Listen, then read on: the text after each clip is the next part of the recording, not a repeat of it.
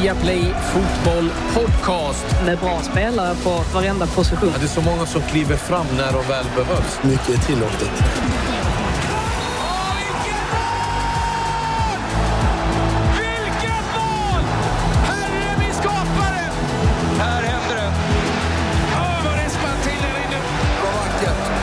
Nej, bästa dagen på året. Det största som har hänt fotbollen någonsin i princip. Hjärtligt välkomna ska ni vara till Viaplay Fotboll Podcast. Det är, eh, ja, det är inte sommarkänsla i eh, I Like Radio-studion. Vi var lite oroliga ett tag att det skulle bli något avsnitt här Bojan för att eh, det som hände i morse. Nej, det var ju en fullständigt kross. För våran Messi, som jag kallar Shari bakom kulisserna, har ju fått för sig att han är något slags paddelproffs. Och han pratade så mycket om paddel och paddel och nivåer. 7, 8, 9. Jag tänkte, möter jag proffs? Är, är, är han på touren? Och sen skulle han möta mig och Claes Andersson. Och Klockan nio på morgonen också. Nio. Kan Och jag jag- boka tidigt? Ja, boka tidigt. Han var fräsch, snabba fötter. Jag var i sen som vanligt. Jag kom in 09.05.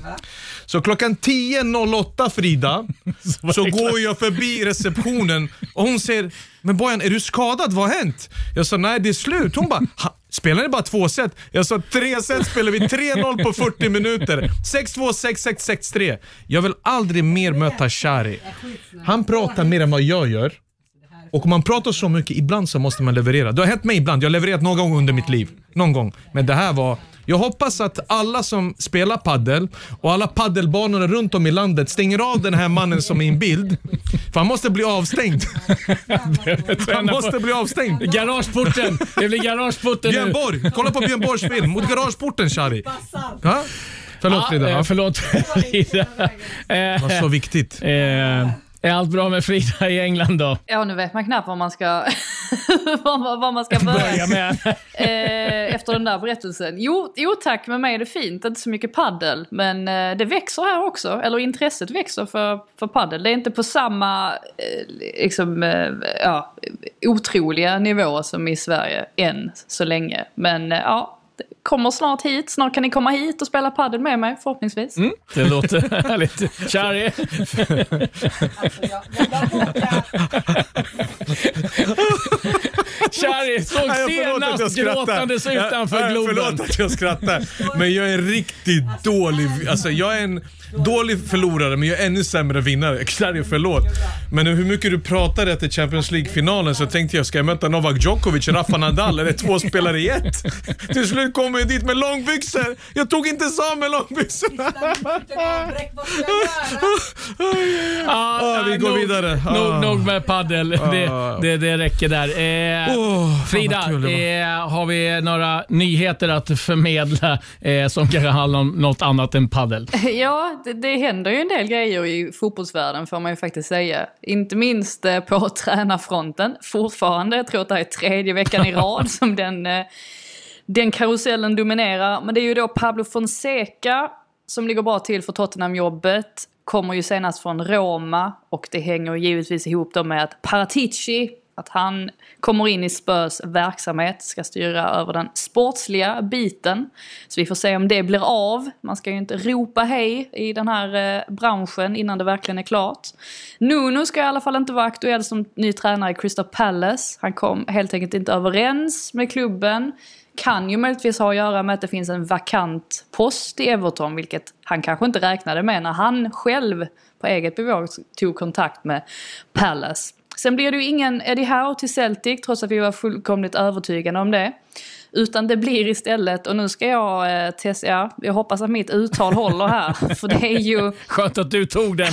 precis, det är ju, alltså det här är ju Skys uttal då att det är Ainge Postecoglou som är ny tränare för Celtic. Och han har alltså australisk slash grekisk bakgrund, därav att han kanske inte är ett namn som har förekommit sådär jättemycket inom europeisk fotboll. Eh, Celtic-fansen verkar väl inte vara sådär överlyckliga än så länge och Rangers-fansen jublar eftersom att det inte är en tränare de vet någonting om. Men vi får väl ge stackars Ainge en, en, en chans i alla fall innan vi dömer honom.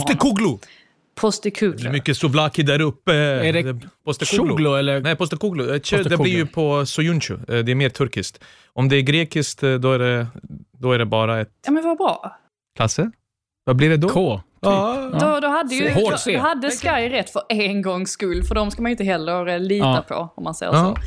Sen har vi ju Emi Buendia som skulle bli Arsenal-spelare, trodde vi. Men nu tillhör han Aston Villa istället. Som eh, var helt enkelt lite rappare i förhandlingarna jämfört med Arsenal som eh, valde att inte lägga ett, eh, ett nytt bud då, utan la bara ett första som Aston Villa trumfade. 38 miljoner pund kostade han. Det lär säkert bli en väldigt bra värvning för dem. Sen har vi ju eh, Ruben Neves också, eller Neves om man inte vill hålla sig till det portugisiska uttalet. Han ryktas ju bli Xhakas ersättare och Xhaka som då ryktas till Roma i sin tur. Så vi får se om... Det ska vara klart vad jag har förstått. Den är kanske till och med klar. Då måste det ha skett, eh, måste ha skett idag i så fall. Ja, jag hörde i förmiddags eh, Granit Xhaka till Roma runt 30-40 Ja, ja okej, miljoner jag tror du menar Nevs. Tänkte herregud, har jag missat? Nej, nej, har nej. jag missat den, tänkte jag. Men eh, vad skönt att höra att jag fortfarande är på banan.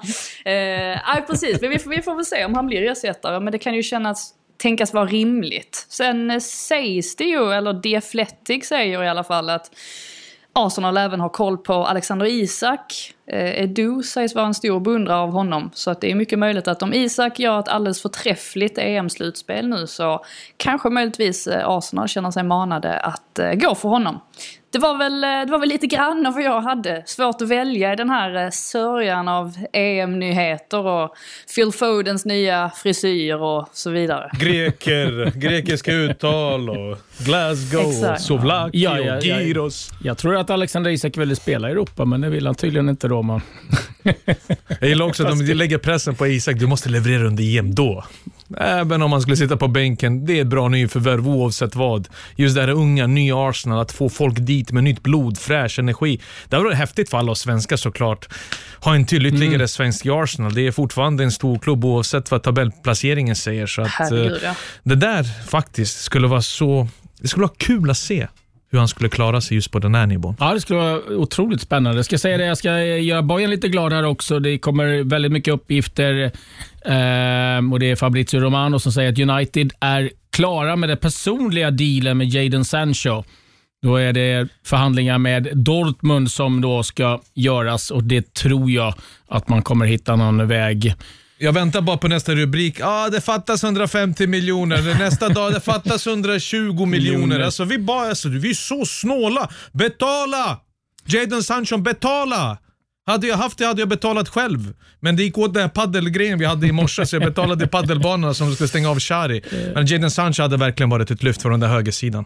Ja, ett otroligt lyft. Eh, Tottenham sägs vara intresserad av Marcus Thuram som eh, har spelat i Mönchengladbach. Är väl ingen riktig spjutspets, ligger Mer till till, vänster. till vänster, så att det är ingen direkt ersättare till Harry Kane som skulle vara. Men eh, man har ju sett eh, många fans vara ganska bestörta över Paulo Fonseca som du nämnde där Frida. Man sparkar alltså José Mourinho. Mourinho tar Roma som Roma har sparkat eh, Fonseca. Ja. Så det, ja, en röra. en, en liten märklig soppa det där, eh, helt enkelt. Vi får se lite vad som händer. Och eh, Tränarkarusellen, en intressant intervju så nu med Xavi som sa att eh, nej, men jag är jätteöppen för att ta över Barcelona, men det verkar som att Barca eh, vill ha kvar eh, Ronald Koeman och det, då väntar jag. Så att han slänger ganska tydligt in sin hatt. Eh, det är nog ganska många som kommer ropa på att Xavi då ska ta över Barcelona. Vi får se lite vad som händer där. Det är eh, som sagt ett transferfönster som nu har öppnat och eh, det kommer komma rykten och eh, värvningar lite allt eftersom. Men vi har ett eh, EM som knackar på dörren och eh, ja, vi var inne lite, eller pratat om eh, England här och vad som händer. Det är eh, ett England, det märks eh, Frida nu eh, när man läser tidningar och lyssnar lite på radio så att det börjar skruvas upp nu förväntningarna ganska rejält och att rivaliteten med Skottland, den har skruvats upp eh, också ordentligt här nu. Vad, vad har man för förväntningar? Som är det som vanligt i England att det är football coming home och vi är bäst och det är liksom eh, det är klart? Mm, alltså, Eller är det lite försiktigt? Ja, jag tycker, alltså oftast när de, när de drar till med det där football's coming home och så vidare, de skojar ju oftast. Det är ju ofta sagt med glimten i ögat för att de vet hur många gånger de har misslyckats och de vågar ju på ett sätt inte hoppas längre i de här mästerskapen. Sen är det klart att de förstår att de har offensiv kvalitet som innebär att man mycket väl kan ta sig till final, såklart. Med Harry Kane och med Jadon Sancho och Phil Foden och Mason Mount. Det är ju i överflöd. Dessutom två engelska lag som gick till Champions League-final var många av de spelarna har vi inte fått se än eftersom att de har vilat. Så det är klart att det ex finns extremt mycket kvalitet i det här laget. Men det finns samtidigt väldigt mycket frågor också. Dels då över startelvan, över försvaret, med eller utan Harry Maguire.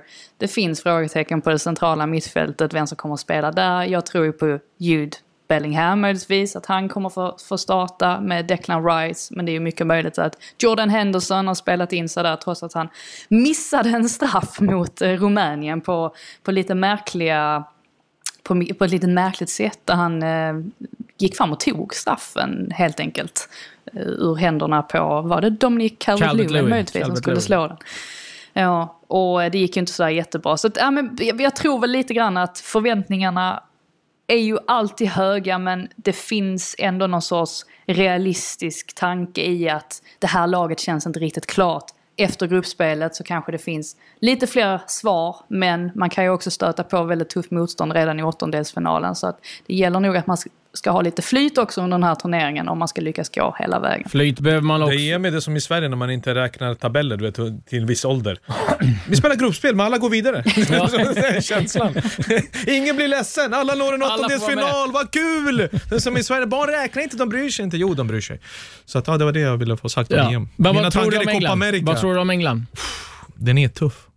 Det enda landslaget jag är trygg med, trots att det har sipprat ut lite missnöje med Girouds uttalande, Mbappé, Giroud, det har de under kontroll. Den truppen känns ju glasklar. Den är helt otrolig om alla är skadefria. Och Frankrike växer för varje vecka som går, för varje match som går. De är storfavoriter. Jag litar inte på Spanien, jag vet inte vad jag har i Italien riktigt. Italienska kollektivet kanske kan chocka många. Finns inte den spetsen? Nej, spetsen finns inte. Men vad händer med England? Det är just försvarsspelet jag är mest orolig över. De har så mycket offensiv kvalitet, offensiv kraft. De kommer ju skapa chanser. Men hur kommer det se ut där bak? Vilka val kommer han göra? Kommer han starta mot Kroatien med fyra ytterbackar ju? det är bara ytterbackar nästan som han har tagit ut. Alltså det är inte det, men England, ändå får man se på hemmaplan. Om de ska ta sig till en final, en efterlängtad final och ha möjligheten att lyfta, så finns det möjligheter nu, Klasse. Jag skulle säga 2020, men det är 2021. Det känns ändå att trots de här frågetecken så kan de nå och faktiskt sjunga It's coming home på riktigt. Jag gillar den här hybrisen, vet du, jag älskar engelsmän. Jag har inget problem med den här jargongen de har. För de älskar ju sitt landslag, de älskar sina klubblag. Så på något sätt som neutral så skulle jag vilja verkligen se England i en EM-final. Ja, det hade varit häftigt. Portugal, tittar man på deras trupp, otroligt fin trupp. Eh, Tyskland, man nämner inte ens Tyskland. Det är inte så att det är skitspelare. Kan det vara ett lag som bara får något flyt och smyger med? Alltså det, var- min känsla kring Tyskland är väl att antingen åker de ur redan i gruppen, inte speciellt troligt dock eftersom att tre lag går vidare. Alternativt att de vinner hela skiten. Att det, det, det känns som att det kan gå precis hur som helst. Timo Och Werner gör lägger nio man ju mål. i-. Ja, nej men de har ju många spelare som är i bra form. Det såg man ju inte minst här i genrepet. Vad var det de vann med 7-0 till slut? Müller Ja, tillbaka. mot Lettland, ja. Exakt. Och Timo det? Werner hoppade in och gjorde mål direkt i andra och, halvlek. eh, jag menar, alltså där visar de ju alltså, vilken, vilken bred kvalitet de har också med tanke på att det var sju olika målskyttar. Så där har man ju ingen, där är det väl klart att man ser att Tyskland ska kunna gå långt i den här turneringen. Alltså själva frågetecknet ligger ju egentligen på Löv som man känner väl har tagit på sig ett mästerskap för mycket. Att han troligtvis skulle ha bytts av efter eh, förra misslyckandet där i, i Ryssland. Men med det sagt så, jag räknar inte bort dem. Jag tror ju inte, har inte dem som är en vinnare, men det skulle inte förvåna mig. Jag skulle inte bli chockad om det visar sig att de, de gick hela vägen. Alltså de har Neuer i mål, det är Müller tillbaka, men han tog tillbaka Hummels lite bra för... Liksom, Det, det, det landslaget, ner det lite den gruppen som hittar e- energin och där de bästa spelarna kommer upp i nivå, de kommer gå väldigt långt. Jag tror att vi kan vara inne för stora överraskningar ändå. Mm. Jag tror inte på målrika matcher. Jag tror inte på ett, jag tror inte på ett bra EM spelmässigt. Jag tror inte på ett bra spelmässigt Copa America heller. Det är spännande, såklart, ett Europamästerskap framför oss. Men med tanke på att det känns som att vi har haft två säsonger igen. Att de bästa spelarna knappt fått vila. Det är nästan som att de spelar två, tre matcher per vecka. Så ligger ju för alldeles för stor press och vila på vissas axlar. Så det är landslagen som kommer in i turneringen med lite mer energi. Där de bästa spelarna faktiskt levererar och känner sig fräscha. Och det är de också landslagen de största som har de bredaste trupperna. Därför säger jag att Frankrike för mig, det är en solklar favorit. Ja, de är regerande Europamästare. Världsmästare. Men eh, förlåt, inte Europa, regerande Europamästare. De förlorade finalen mot Portugal såklart, men regerande världsmästare. Men de har aldrig känts så självklara som nu. Det känns som varje position så kan du ta ut en spelare och de levererar. ja, men deras andra otroligt. lag hade kunnat vinna Jo, men det är det jag menar. Det- är helt otroligt. Det är tre startelvor han kan lägga upp under Deschamps. Så det känns, känns, förutom det här med Mbappé Giroud, det där löser man internt. Det är alldeles för st- stora karaktärer, stora spelare som lägger landslaget först istället för sitt ego. Det är inget klubblag, det är ett landslag. De vill Frankrike, vill få revansch på det som hände på hemmaplan 2016. Mm, ja, det ska bli otroligt spännande och eh, inne på lite på outsiders. Vi hoppas ju att Sverige ska vara en av de outsiders, men eh, vi ser ju också, och det är någonting man får ha i beaktning här nu med eh, det där jäkla viruset som kan eh, krypa in och helt plötsligt så kan det ryka nyckelspelare och det stör eh, oerhört mycket. Nu är det Kulusevski Svanberg eh, som eh, är smittade och sitter i karantän. Pontus Jansson har tränat, så det verkar okej där i varje fall. Hur oroliga ska vi vara, Frida, över det här? Ah, behöver nog inte hetsa upp oss än, men jag tror definitivt att detta är någonting som kommer följa med oss hela turneringen. Och det lär väl ske i fler läger än i det svenska och det spanska. Det, alltså där diskussionen har landat lite är väl just i det här att ah, hade det inte varit bättre om vi bara hade vaccinerat spelarna? Och så här med facit i hand så tycker man väl att det hade väl inte varit sådär jättemycket ja men vad säger man, jättemycket bry med att låta dem gå före lite i kön. Och sen samtidigt nu måste man ju hantera läget som det är och de har väl uppdaterat sina riktlinjer nu i alla fall till, alltså kring coronan. Och det skedde väl först efter att Kulusevski testade positivt vilket var lite intressant att man inte var mer förberedd. För ser man till hur Spanien kontra Sverige har hanterat de här olika situationerna så märks det väldigt tydligt att Spanien tog det på väldigt stort allvar omgående. Och just det här att alla spelare isolerades, att man direkt ordnade ett extra lag som tränar vid sidan om utifall att det skulle bli några problem att få ihop spelare till den första matchen där mot Sverige. Men nu verkar väl Sverige också hänga på det där så att jag hoppas ju inte att coronan kommer dominera rubrikerna för mycket och förstöra för mycket och, och göra hela turneringen hackig. Men det är ju självklart en ganska stor risk att det blir så, tyvärr. Och Det blir ju en sak, en liksom parentes här, men intressant, för det verkar som att eh, Spanien nu ska liksom eh, vaccinera sina spelare. Det är också en, en risk. Vi har ju sett ganska många som har fått vaccin som Ja. är dåliga i två, tre, fyra dagar. Det är också liksom ett sätt att gambla lite grann på, kan jag, kan jag tycka. Eh, Det jag tycker är lite synd i det här, det är, eller det är jävligt tråkigt eh, faktiskt, det är att folk liksom sprider massa hat nu mot Kulusevski. Det, det är liksom... Ja, fan vet, folk, sprider alltid hat, Klasse. Har vi inte Jo, vant oss? nej, men det blir så tröttsamt. Ja, men alltså, jag är menar, men ja, på han gjorde nätverk så här, ett, ett misstag. Alla kan så här, de hänger med sina familjer. Eh, du, de kan lika väl så här, alla säga ja, men de skulle varit i bubblan. Ja, men du kan någon fått det via någon receptionist på hotellet. Alltså det, vi har sett det kan krypa in precis vad som helst. Nu var det otur. Jag förstår att han hade liksom antikroppar sedan tidigare. Eh, det var en familjemedlem. Det är klart att det är, liksom, det, det är Lasse, tråkigt, men det, det- är ju ingenting han gör medvetet. Någon som mår dåligt så är det ju han. Ja, men det sorgliga är ju att hat ligger alltid närmast till hands. Det är nästan som att folk mår bra av att läsa någonting negativt, läsa någonting dåligt om någon som har det bättre, bara för att hoppa på det här tåget. Sprida hat. Hur många har vi sett faktiskt stå upp mot det där hatet?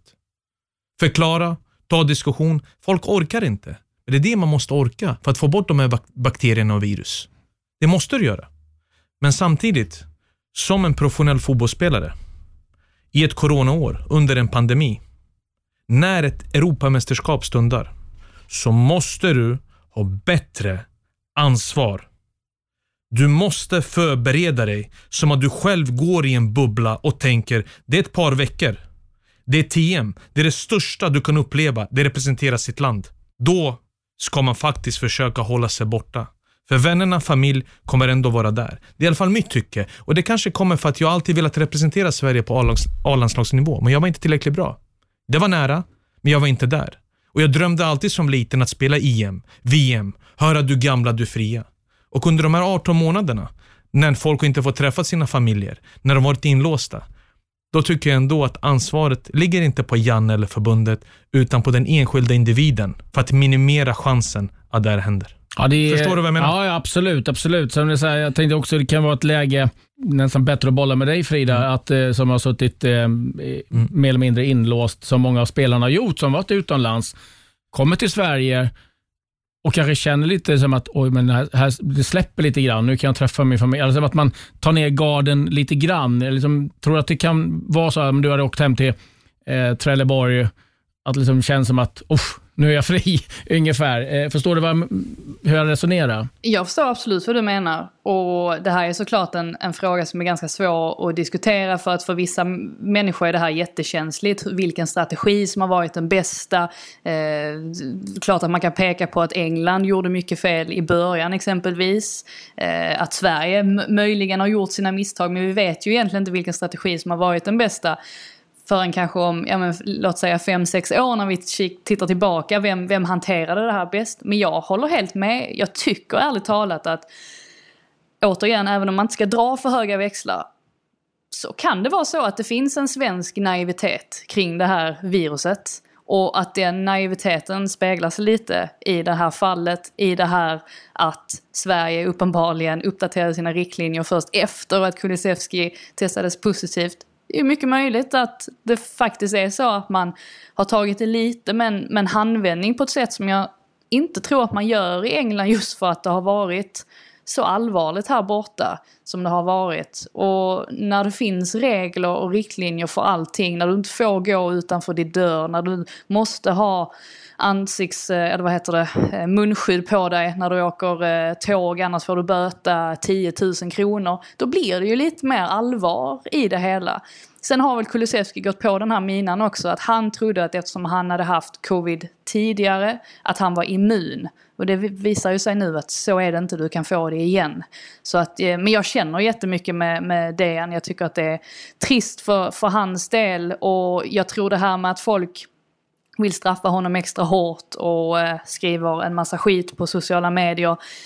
Då glömmer man lite grann att han mår nog tillräckligt dåligt som det är. För att man kan ju tänka sig vad exempelvis en sån som Mattias Svanberg tänker. Om det nu är så att Mattias Svanberg har skött sig Eh, till punkt och pricka eh, när han åkte hem till, till Skåne där de två dagarna. Om han verkligen var extremt noggrann för att inte bli smittad. Då är det klart att han grämer sig något oerhört över att missa den här första matchen och eventuellt fler matcher. Så att jag tror att Kulusevski mår dåligt som det är. Jag tycker inte att man behöver in där och, och kommentera en massa på hans eh, sociala medier. Jag tyckte att Janne också hanterade det väldigt bra på sin presskonferens när han fick den här frågan om huruvida Kulusevski ska ses som någon sorts syndabock, hur man hanterar detta nu. Men Janne var ju väldigt tydlig med det där att det inte kommer ske några straff eller, eller någonting sånt gentemot Kulusevski. Och jag, jag tycker att det är rätt väg att eh, gå i alla fall. Fan vad folk älskar syndabockar.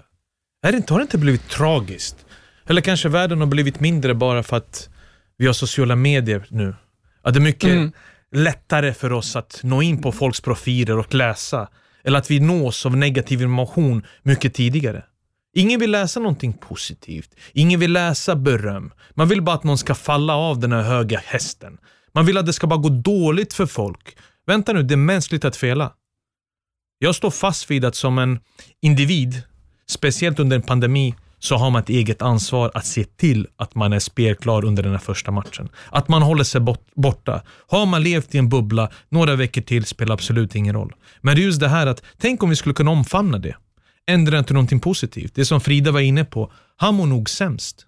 Och tror att det här hjälper oavsett hur hård du är, eller tuff, eller hur mycket skinn på näsan du har. Att bara få hat. Eller tro att varje gång en människa får syn på en så tänker där är han ju. Där är han ju. Att vi skulle kunna förändra vår bild, att kunna hantera just sådana här saker. Så tror jag faktiskt vi skulle må mycket bättre, även som ett samhälle, Klas. Jag vet inte, jag kanske har blivit mer blödig, mer känslig, men vi är alldeles för hårda.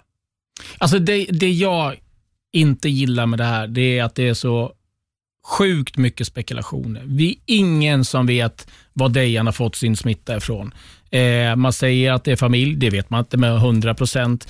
Det kan komma från precis vad som helst. Du kan liksom skydda dig, du kan göra som allt, men du kan ändå åka på den på, på, på något sätt. Så att det är det som gör det. Det finns inga säger så här, det var det och det han har gjort det här. Han kan liksom suttit hemma och träffat två pers som också kanske hade antikroppar och ändå åka på det.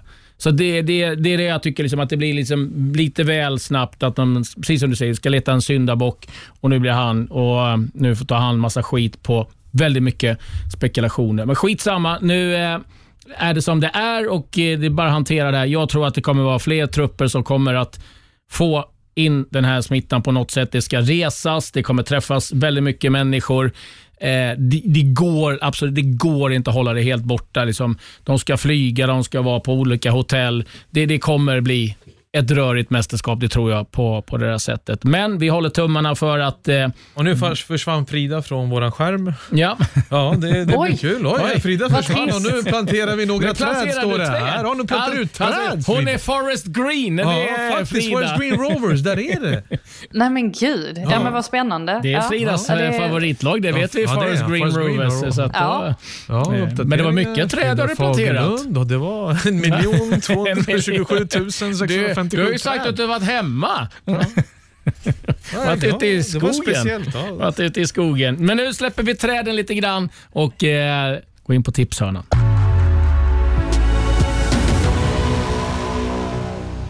Och där släpper vi EM också för att det är en eh, sommar med eh, Copa America och eh, på tal om eh, covid-strul så eh, kan vi nog säga att det har eskalerat ganska rejält i Sydamerika. Det var ett eh, mästerskap som eh, skulle gått i Argentina och Colombia, men det var eh, ganska mycket politiska problem i eh, Colombia med en hel del upplopp och annat som gjorde att de drog sig ur. Då skulle det gå i Argentina. Argentina har ett jättekaos med covid och eh, sa då att nej, vi kan inte arrangera det här och då gick Bolsonaro, eh, presidenten i Brasilien, och sa det här fixar vi, inga problem. Problemet var bara att eh, han hade hälsoministern och eh, i stort sett alla emot sig. Ingen tyckte att det här var ganska, eller ett lämpligt läge att eh, börja arrangera en turnering för att eh, Brasilien också drabbats väldigt hårt av det. Men nu verkar det fall som att det ska spelas i Brasilien. Det kommer att ske utan publik och det är ett mästerskap precis som EM som man eh, inte riktigt vet vad man har. Men de spelar VM-kval ju, precis. Ja, precis. Igår, Brasilien spelade förr igår mot Paraguay, Argentina spelade också. Och sen fyra dagar senare ska Så alla åka till Copa- Brasilien så börjar Copa America.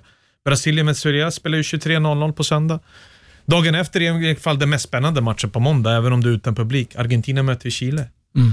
Men hur står sig trupperna? Hur är den mentala biten?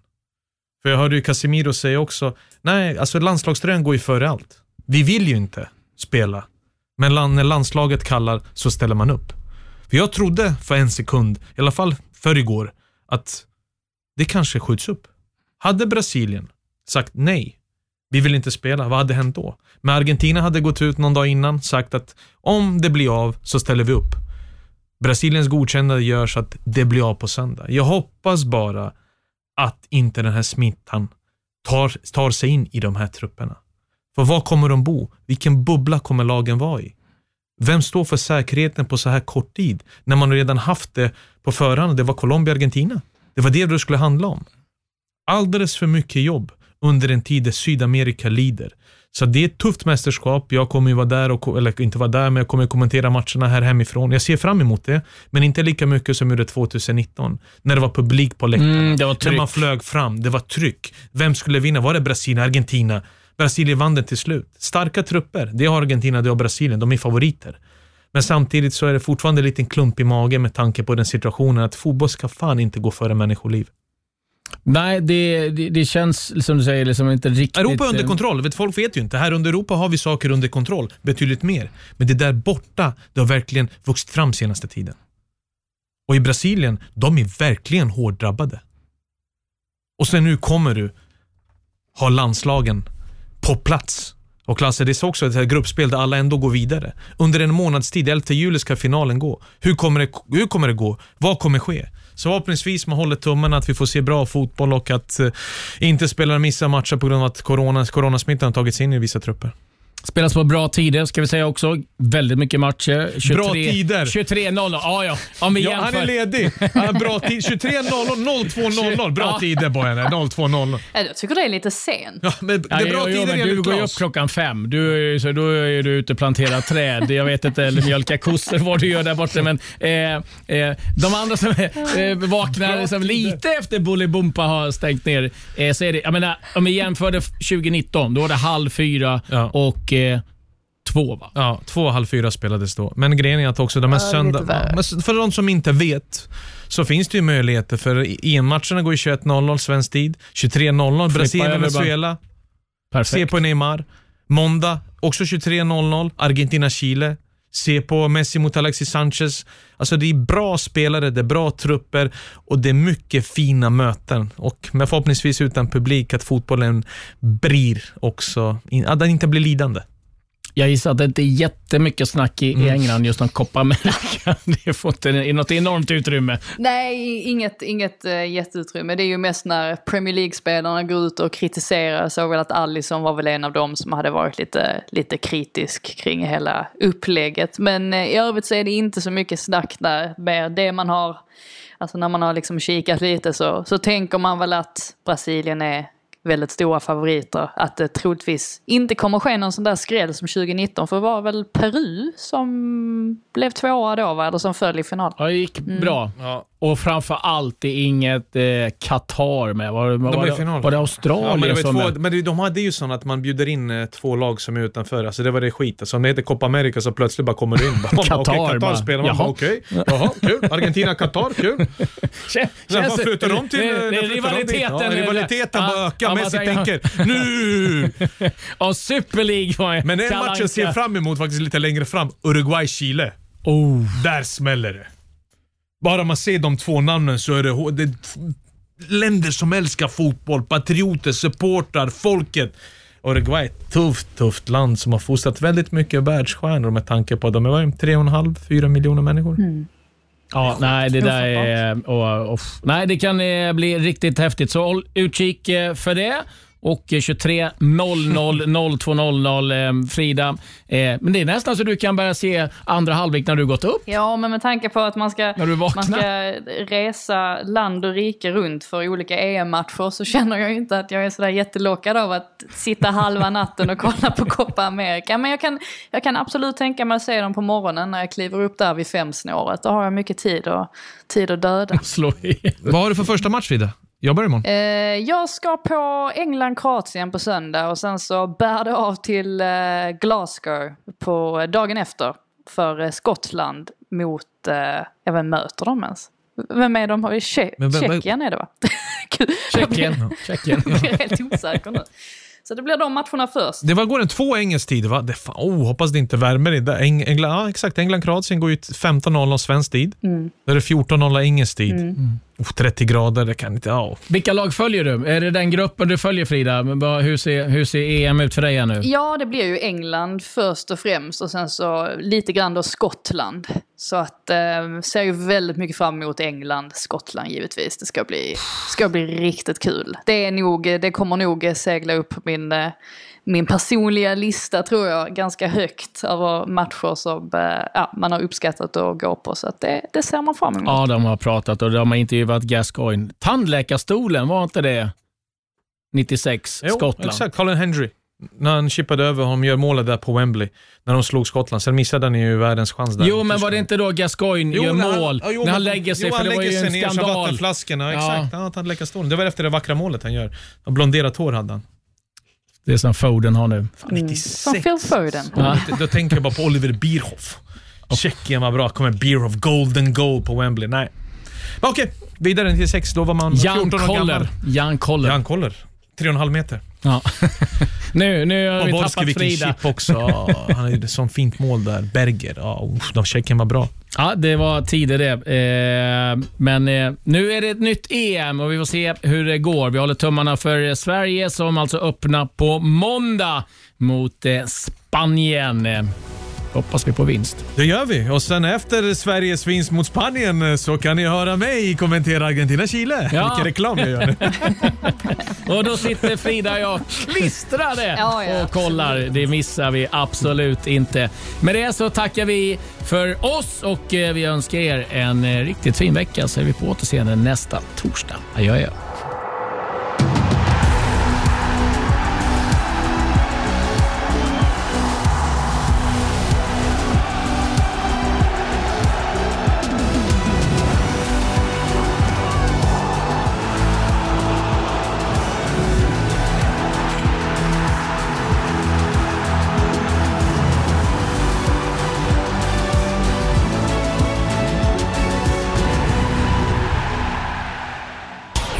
Produceras av I Like Radio. I like radio.